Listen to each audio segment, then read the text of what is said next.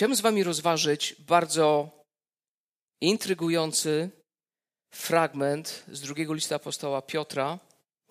Fragment, który e, nie spodobałby się wielu nam współcześnie żyjącym, zwłaszcza ludziom cywilizacji Zachodu, i wysłuchawszy takich słów, oceniliby jako, je jako dzielące, osądzające, nietolerancyjne, mowę nienawiści, czy cokolwiek tam jeszcze e, obecnie zarzuca się oponentom, żeby pognębić i żeby wybić im e, argumenty.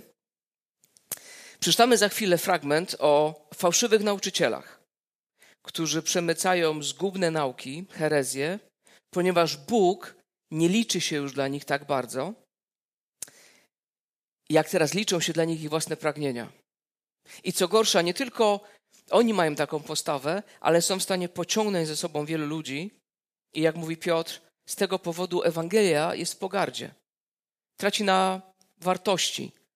Ludzie się zaczynają z niej wyśmiewać i od niej odwracać. I takie dwie główne myśli, czy dwie główne lekcje z tego fragmentu, ogólne, to takie, że przede wszystkim musimy znać Pismo Święte. Musimy znać Bożą prawdę, by umieć wyłapać przekręconą naukę. By wtedy, kiedy słyszymy coś, a, a treści rozmaitej słyszymy wiele, na lewo i na prawo, żeby przynajmniej zapaliła nam się ta lampka kontrolna.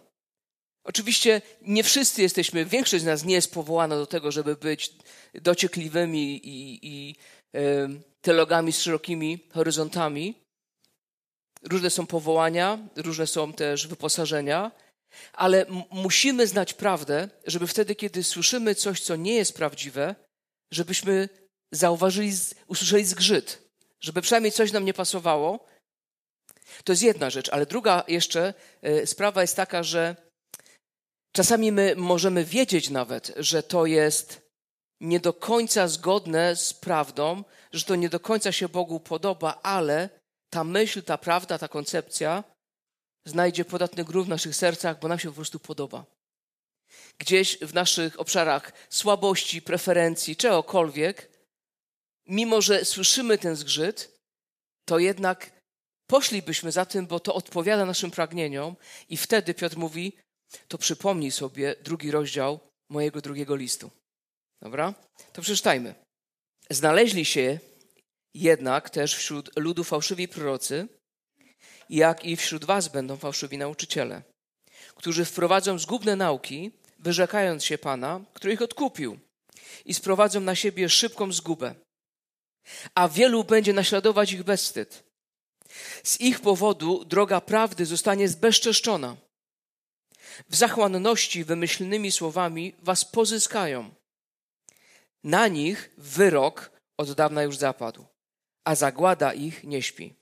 Jeśli bowiem Bóg nie oszczędził aniołów, którzy zgrzeszyli, lecz strącił ich do tartaru i wydał więzom mroku, aby byli strzeżeni na sąd, jeśli dawnego świata nie oszczędził, ale jako ósmego ocalił Noego, głosiciela sprawiedliwości, gdy zesłał potop na świat bezbożnych, jeśli miasta Sodomę i Gomorę obrócił w popiół i skazał na zagładę, dając przykład tego, co może spotkać bezbożnych, jeśli zachował sprawiedliwego Lota, udręczonego rozwięzłym postępowaniem występnych, ten sprawiedliwy bowiem, który mieszkał wśród nich, patrząc i słuchając, dręczył dzień po dniu swoją sprawiedliwą duszę ich nieprawymi czynami, to wie Pan, jak ocalić pobożnych od doświadczenia, a niesprawiedliwych zachować na dzień sądu, aby ich ukarać.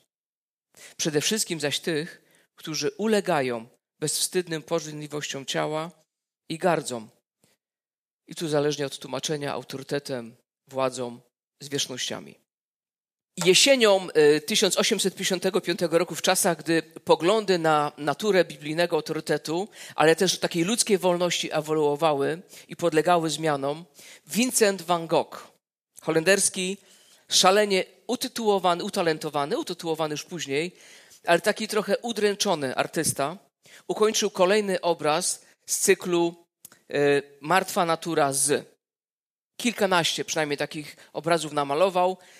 Akurat w październiku 1955 roku namalował martwa natura z Biblią. Patrząc na niego, na ten obraz, widzimy stół, na nim otwartą Biblię, po prawej stronie Pismo Święte, za nim e, wypalony ogarek świecy na lichtarzu. Natomiast na pierwszym planie artysta namalował małą żółtą książeczkę. Podobno jak się na żywo widzi ten obraz, to da się nawet odczytać tytuł tej książki. Jest to Radość życia Emilia Zoli. Jeśli ktoś czytał Radość życia, życia Zoli, to pamięta, że głównym, główną bohaterką tej książki jest dziewczyna, kobieta, Paulina, która mając 10 lat traci swoich rodziców, zostaje oddana pod opiekę dalszej jakiejś tam ciotki, która przyjmuje ją do siebie. Jej byt ma być zabezpieczony, gdy już będzie dorosła, jakąś, jakimś spadkiem, który został po mamie. Spadek ten niestety zostaje przez ciocię e, i jej syna przejedzony w tym sensie, że tam pożyczają te pieniądze i, i generalnie, gdy dziewczyna jest dorosła, to tych pieniędzy nie ma, ona też nieszczęśliwie jest zakochana. Co ciekawe, jest to jedna z pierwszych bohaterek w tamtym czasie, która jest otwartą ateistką, ponieważ następuje ta zmiana właśnie od autorytetu Pisma Świętego, od takiego teocentryzmu do natura, naturalizmu. Paulina jest bardzo pogodną, radosną y, osobą i właściwie gdy spotyka ją cały szereg przykrości i smutków w życiu. Na pytanie, skąd ty czerpiesz tą radość życia? Jej odpowiedź jest, bo tak trzeba. Nie ma nic głębszego. Przyuszanie z charakteru, z temperamentu, ona była taką radosną, pogodną osobą i nawet te wszystkie złe rzeczy jej nie przytłoczyły do ziemi, ale y, szukać radości czy źródła radości nie jest w stanie, nie jest w stanie go znaleźć w niczym innym, jak tylko w tym, że tak po prostu trzeba. Umieszczając tą y, wypaloną świecę obok Biblii i umieszczając je w tle, Van Gogh mówi nam, że czas chodzenia po tym świecie dzięki oświeceniu Ducha Świętego, który świeci na Słowo Boże, już minął. Najprawdopodobniej e, to Pismo Święte jest e, własnością jego ojca, który był pastorem reformowanym holenderskim, który wysłał tą Biblię swojemu synowi. E, no, akurat hmm, syn odesłał drugiemu synowi, czy swojemu bratu razem, razem z tym obrazem, ponieważ w Van Goghu również zachodzi ta zmiana. E, Biblia już kojarzy się mu bardziej z ojcem, który był według niego fanatycznie wierzącym człowiekiem, ale coraz bardziej w życiu przecież chodzi o coś innego. To już nie Pismo Święte świeci, już nawet kolor, który byłby, e, gdyby ten ogarek się świecił, ten żółty kolor padałby na, oświecałby słowa Pisma Świętego, które oświecałyby nasze życie, poprzez działanie Ducha Świętego. Teraz ten żółty płomień, żółty kolor jest zarezerwowany dla innej książki, która poprowadzi e, ludzkość w szukaniu innej radości życia, niż do tej pory ona była. Co ciekawe, to co Van Gogh namalował w 1955 roku, apostoł Piotr zobrazował i wyraził wieki wcześniej. Apostoł Piotr w drugim swoim liście właściwie żegna się z Kościołem. Wie, że e, kres jego życia nadchodzi nie może odwiedzić kościoła, żeby jeszcze raz się spotkać z ludźmi i coś im przekazać. W związku z tym pisze drugi list. I jest to list, którym żegna się z kościołem. Ale apostoł Piotr ma świadomość, że czasy, w których teraz przychodzimy umierać, są czasami, w których wydaje się, że światło Słowa Bożego jest zagrożone zagaszeniem, ponieważ im Kościół stawał się liczniejszy. Im więcej pojawiało się ludzi, i przynajmniej identyfikujących się jako chrześcijanie, to okazywało się, że jest coraz więcej ludzi, którzy woleli inną drogę i prowadzenie przez inne światło, czy światło innego rodzaju. I nie inaczej jest dzisiaj.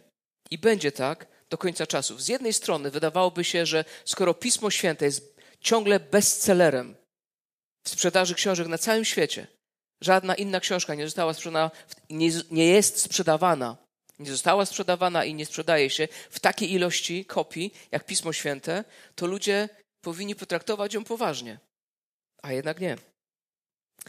Ten drugi rozdział którego pierwszych dziesięć wersetów przeczytaliśmy, stoi w stosunkowo dużym kontraście do pierwszego rozdziału. W pierwszym rozdziale apostoł Piotr malował całkowicie inne obrazy.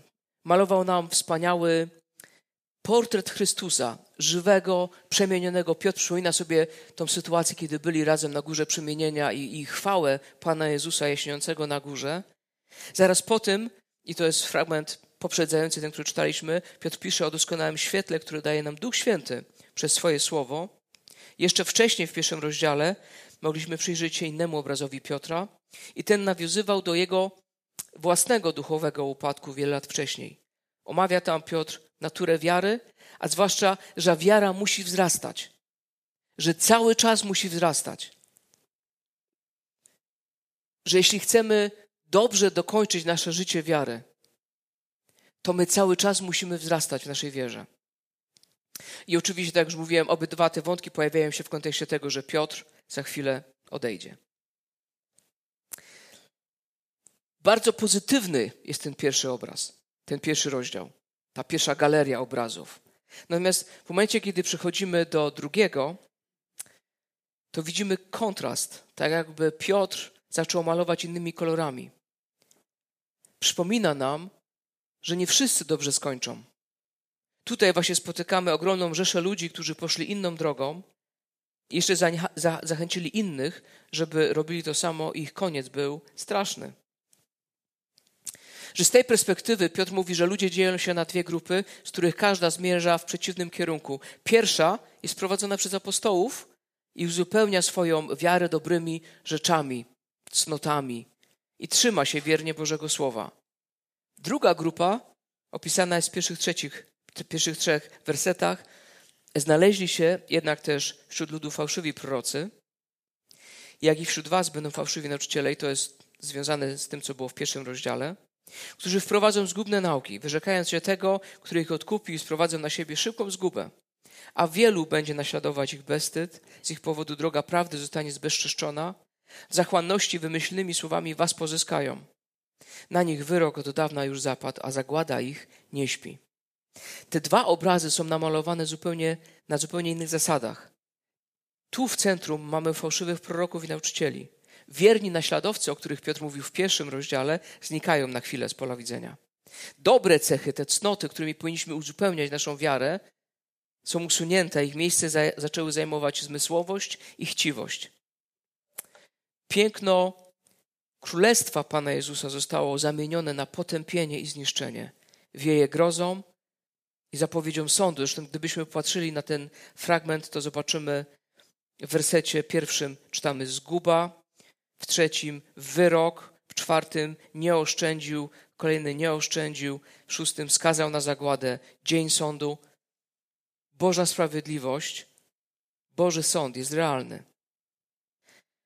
W pierwszych tych dziesięciu wersetach drugiego rozdziału mamy trzy portrety tych, którzy nie kończą dobrze. I w każdym z nich na pierwszym planie jest właśnie Boży Sąd. Wersety 4 do 9, popatrzmy, są jednym długim zdaniem.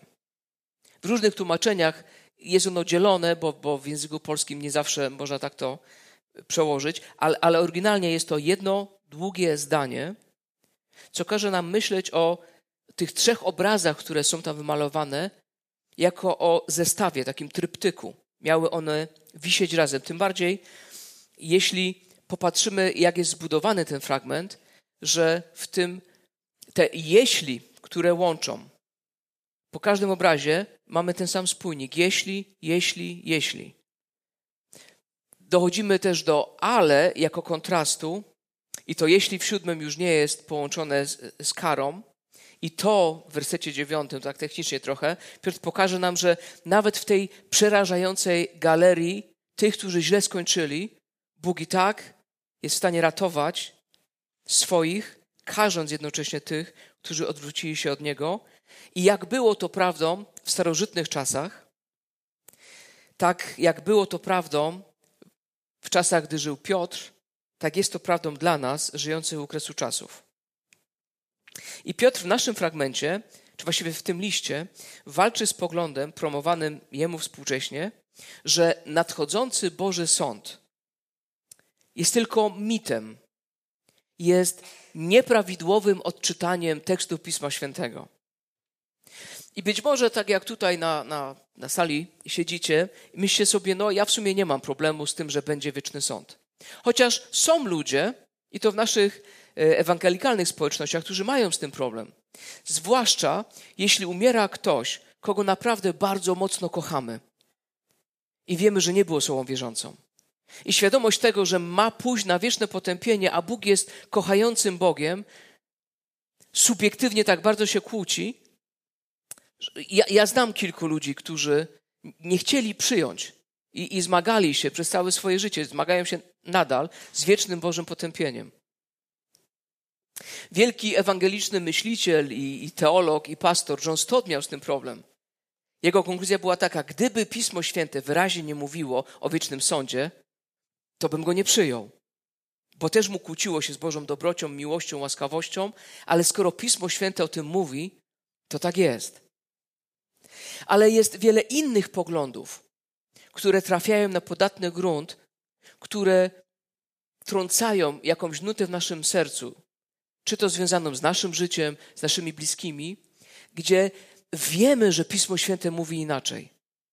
I, i takie wytłumaczenie jest to niewłaściwe odczytanie słów Pisma Świętego. Może kiedyś było tak, ale dzisiaj już nie. To dla tamtych ludzi w tamtej mentalności były takie obrazy, ale jako, że objawienie jest progresywne, więc my dzisiaj już wiemy więcej i lepiej.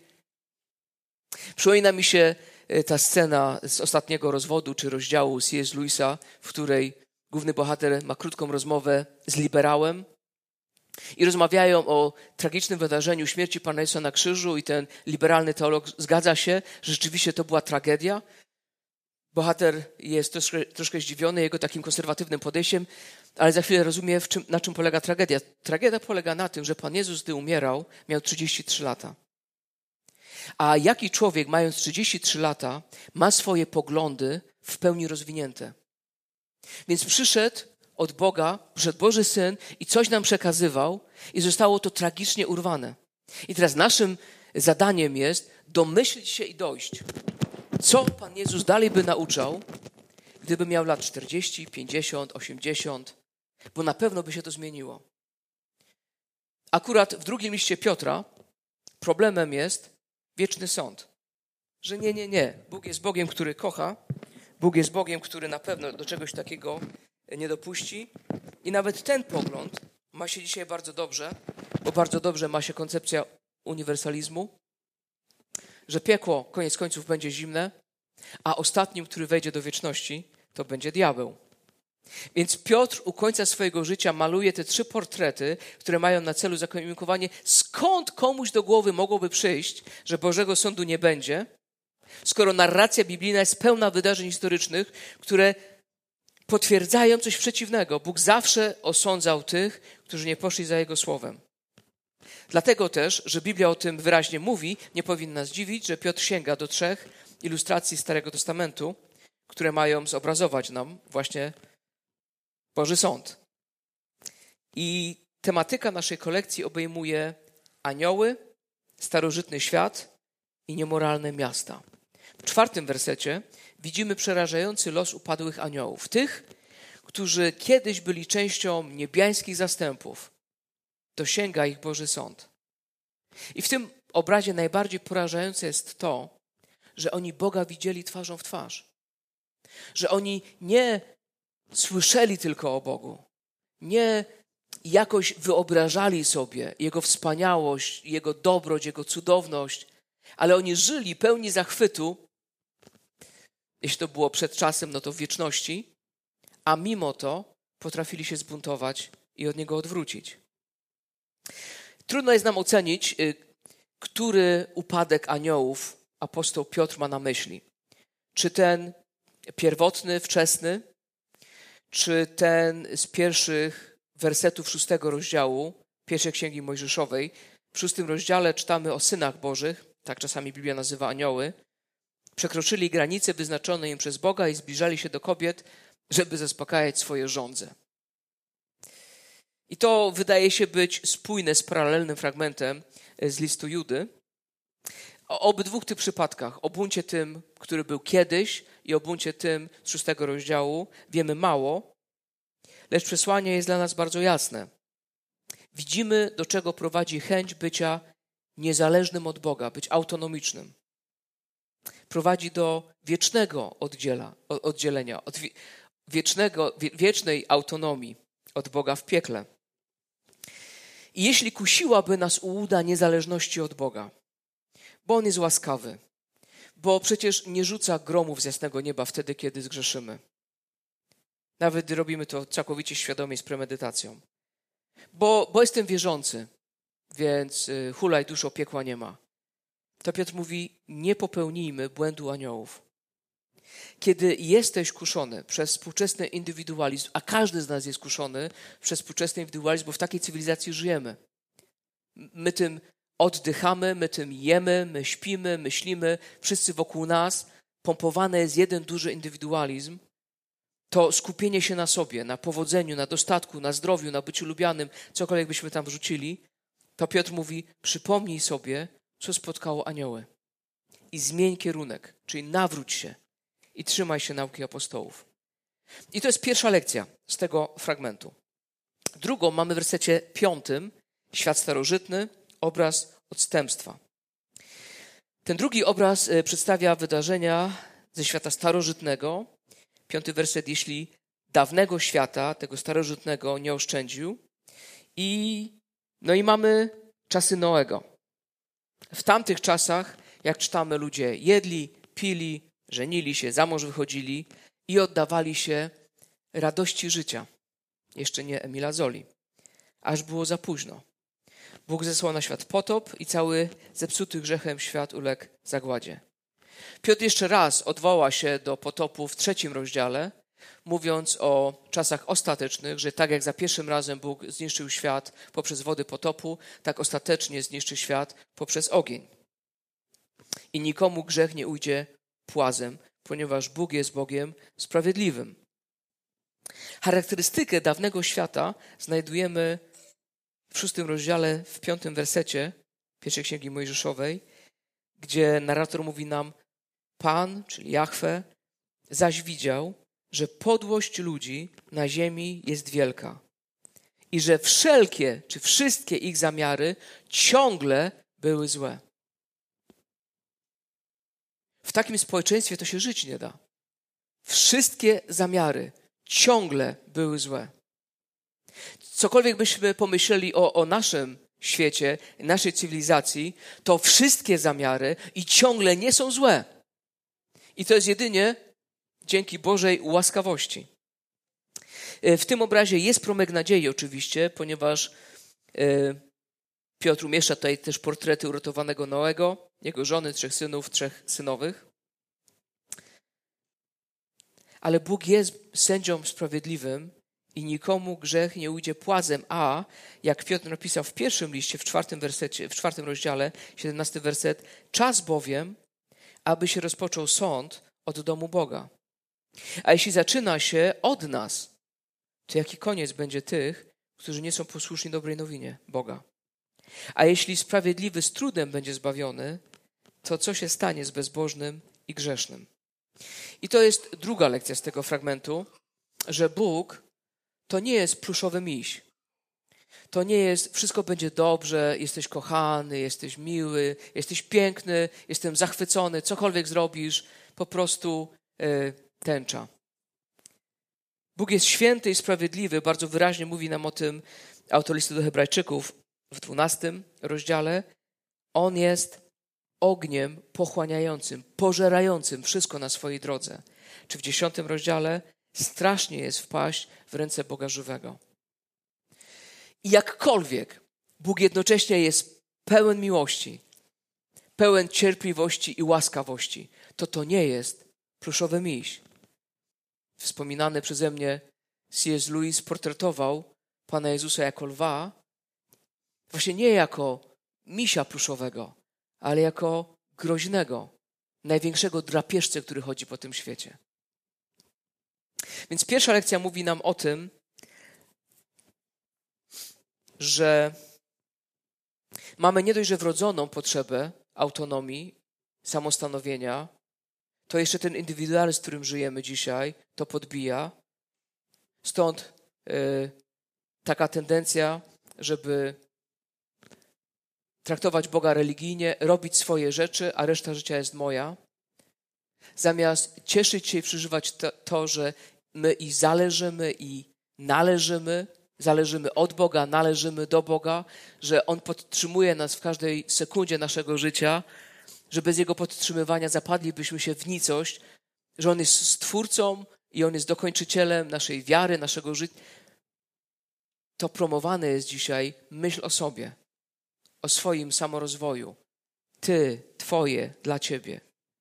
I jeśli coś takiego przychodzi nam na głowę, przypomnijmy sobie, co spotkało anioły.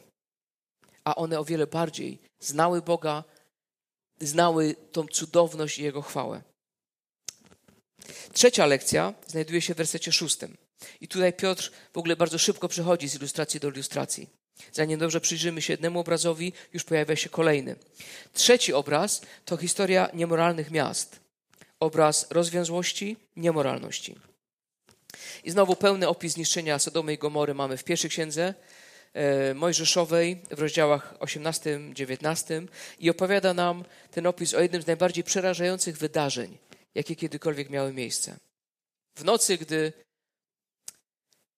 anioły lub aniołowie, bo i tak, i tak można powiedzieć, trudno mówić o ich płci, przybyli do domu Lota, by mu powiedzieć, że Bóg nadchodzi, aby osądzić miasto, nic nie wskazuje w tekście na to, by Lot uważał te osoby za kogoś innego niż podróżników przechodzących przez miasto. Nic w tekście nam nie wskazuje, że przypuszcza, to może są aniołowie, to może są Boże, raczej podróżnicy, ale pomimo tego tych ludzi nie znał, że to byli po prostu podróżnicy w swojej prawości, starał się uchronić ich przed krzywdą i gwałtem ze strony mieszkańców miasta. I ta lekcja dotyczy chyba najbardziej mieszkańców dużych miast. Gdy widzimy duże, bogate miasto, które w swoim bogactwie zaczyna pogrążać się w grzechu, w nieprzyzwoitości, które jest wypełnione pogonią za przyjemnościami, rozwiązłością, samozadowoleniem, to pamiętajmy, że nieprzyzwoitość i niemoralność ci wierni towarzysze bogactwa dawno temu sprowadzili na siebie Boży Sąd. I jest to bardzo mocne dla nas przypomnienie i otrzeźwienie. Otrzeźwienie dla tych, w których sercach Bóg włożył pragnienie, że my chcemy podobać się Bogu, że chcemy przeżyć nasze życie dla Jego chwały. Nasze serca nie wzbudzają tego pragnienia same z siebie. To pragnienie musi włożyć Bóg. Bo my w ogóle nie jesteśmy w stanie zmienić naszych pragnień. Ani naszych pragnień fizycznych, ani naszych pragnień niematerialnych. Dlatego trudno w ogóle mówić o wolnej woli człowieka, skoro my nie jesteśmy w stanie wpłynąć na nasze pragnienia. Jesteśmy w stanie je ograniczyć, może poskromić na jakiś czas, tak jak z głodem czy pragnieniem, jesteś w stanie chwilę nie jeść, ale głód będzie wołał: Zaspokój mnie. Tak samo te niematerialne pragnienia, których nie jesteśmy w stanie zmienić, tylko Bóg jest w stanie zmienić i zmienia je, odradzając nas, przemieniając nas. Więc jeśli wracamy, czy wracalibyśmy do zaspokojenia pragnień rodem z tego świata, to tym bardziej pokazujemy, że nie mamy nad nimi władzy.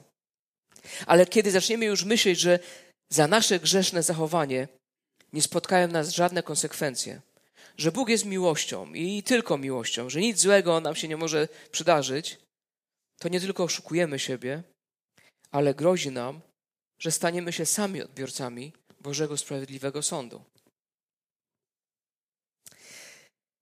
Tak Piotr kończy malować portrety tych, którzy nie kończą dobrze. Na szczęście to nie jest wszystko, co namalował w naszym fragmencie. Mamy jeszcze trzy wzmianki o sprawiedliwej, czy właściwie o Bożej łasce. W tych trzech portretach ukryta jest niespodzianka. Trochę tak jakby Piotr w tle umieszczał wstawki o ludziach, którzy zostali uratowani, wyrwani, wydobyci z samego środka zagłady. Dlatego jest nadzieja na dobre zakończenie naszego życia. Nie dlatego, że jesteśmy tak silni, nie dlatego, że jesteśmy tak nieskazitelnie moralni, Nie dlatego, że nic nam nie można zarzucić. We wstępie słyszeliśmy dzisiaj o Dawidzie, który trzy razy dziennie modlił się przy otwartym oknie w stronę e, Jerozolimy i zostało to użyte przez jego przeciwników, żeby go wrzucić, żeby go król wrzucił do, jaski, do, do studni z lwami. Dlaczego? Dlatego, że w ich oczach był bez zarzutu. Do niczego przez kilkadziesiąt lat jego służby u trzech poszczególnych królów, władców nie mogli, nie mogli nic znaleźć, żadnej łapówki, żadnej niemoralności, żadnego knowania, nic. Więc tylko zostało im religijne. Obyśmy my byli tacy jak Daniel, oby nasi politycy byli tacy jak Daniel, ale Bóg w swojej łaskawości przez swojego Ducha Świętego w naszych sumieniach pokazuje nam nasze ograniczenia, nasze słabości, nasze braki. A pomimo tego jest nadzieja na dobre zakończenie. W dwóch obrazach widzimy, że Bóg potrafi powołać ludzi do sprawiedliwości.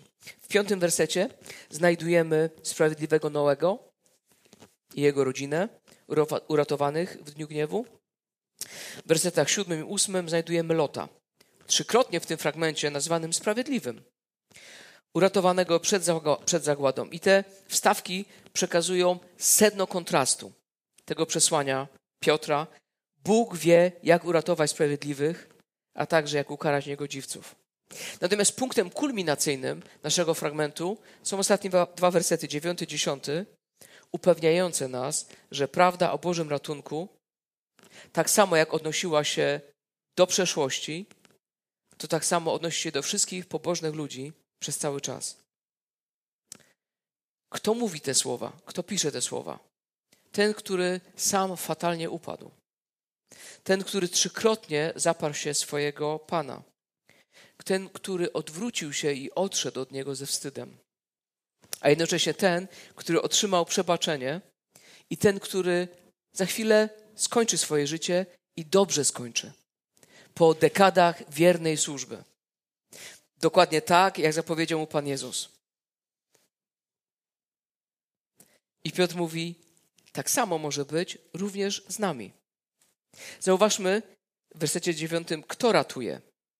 Piotr nazywa go Panem. Nie jest to starożytne określenie Jahwe, jest to grecki termin używany w odniesieniu do Jezusa z Nazaretu. Jest to ten, który nie tylko przyjdzie, żeby sądzić, nie tylko przyjdzie, żeby Boża sprawiedliwość, jak mówimy, Bóg nierychliwy, ale sprawiedliwy, żeby Boża sprawiedliwość w końcu zapanowała, ale On już przyszedł, by uratować, by zbawić. I dzięki Jego łasce i w Jego mocy możemy każdego dnia znajdować sposoby na wzrost naszej wiary i siłę, żeby iść drogą apostolską, którą mamy zawartą w Nowym Testamencie. Ale w związku z tym my musimy znać Pismo Święte. Musimy znać prawdę. Żeby wtedy, kiedy pojawia się fałsz, zapaliła nam się ta kontrolka. Jak wiemy, Pismo Święte składa się z 66 ksiąg. 39 Starego rozdziału, Starego Testamentu, 27 rozdziałów Nowego Testamentu. Wiecie, ile jest rozdziałów w Piśmie Świętym? Stosunkowo łatwo jest zapamiętać, bo są to dwie jedynki, dwie ósemki. 1188. Jeśli 1100, 1188 podzielimy przez 365, to wychodzi nam, że żeby Pismo Święte przeczytać w rok, to są trzy rozdziały, trzy rozdziały i ćwierć cztery rozdziały dziennie, żeby mieć e, wolne dni na jakieś wydarzenia, choroby, wyjazdy nagłe. Dwa rozdziały, żeby przeczytać w rok. W dwa lata. Musimy czytać Pismo Święte. Mówimy z dumą, że chrześcijanie są e, związani z Pismem Świętym, że wyznajemy je jako najwyższy autorytet, który powinien stanowić o wszystkich naszych praktykach i doktrynach, które wyznajemy, sola scriptura. A z dużym prawdopodobieństwem założyłbym, że na tej sali są ludzie, którzy nigdy Pisma Świętego nie przeczytali. A to nie jest kwestia, żeby przeczytać je raz. Przeczytać raz to powinien każdy człowiek. Z powodów czysto takich religijno-kulturowych. Przeczytać, żeby wiedzieć. Pismo Święte, Pismo Święte, wartości judeochrześcijańskie, to wartałoby przeczytać, co, co tam w środku jest. Natomiast jeśli chcemy umieć wyłapać, żeby nam zazgrzytało, że, że coś w tym przesłaniu jest nie tak, musimy czytać. Z jednej strony, oczywiście, to jest odpowiedzialnością starszych zboru, pastorów, żeby wiernie zwiastować Boże Słowo, ale każdy z nas jest odpowiedzialny, czy to, co słyszymy, słuchamy, tutaj, w internecie, podcasty, gdziekolwiek, na konferencjach, czy to rzeczywiście jest zgodne z Bożą prawdą. Ja nie muszę mieć wszystkich odpowiedzi. Ja nie muszę mieć precyzyjnie poukładanych wszystkich danych, ale jeśli zazgrzyta, to przynajmniej wiem, że powinienem coś z tym zrobić. Tylko, że to jest jedna strona medalu. Druga jest taka, że ja mogę wiedzieć, że coś tu zgrzyta, ale to jest takie fajne. To mi się w sumie podoba. W sumie z tym rozwodem, w sumie z tym podejściem do pieniędzy, z aborcją, z eutanazją, z, z LGBTQ, cokolwiek. Przecież to tak, tak tylko inaczej na to popatrzeć, trochę z innej perspektywy i strony i, i już się da to przełknąć. Dlaczego? Ponieważ mi to tak w środku gra. Więc wtedy mówi Piotr, to przypomnij sobie, co spotkało anioły. Przypomnij sobie, co spotkało ludzi za czasów Noego. Przypomnij sobie Sodomę i Gomorę. Bo Bóg jest Bogiem sprawiedliwym. Doskonale i absolutnie sprawiedliwym. A jak czytamy w pierwszym liście Piotra, jego sąd zaczyna się od domu Bożego. Od nas. I tymi słowami zachęty chciałbym Was zostawić. Zachęty do tego, żeby czytać Boże Słowo wiernie i pilnie, Oczywiście można mieć swoje kalendarze, terminarze rozmaite i później nadganiać nadganiać, lub po prostu ustawić sobie, czytam 3-4 rozdziały dziennie, ale wiernie i przez całe moje życie. Że po kilku latach już nie pamiętam, ile razy przeczytałem. Że po kilku latach ja widzę, jak te wątki Starego, Nowego Testamentu, one się łączą.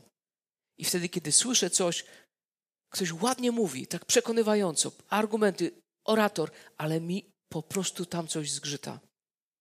To jest Boża łaska i Boże prowadzenie. Amen.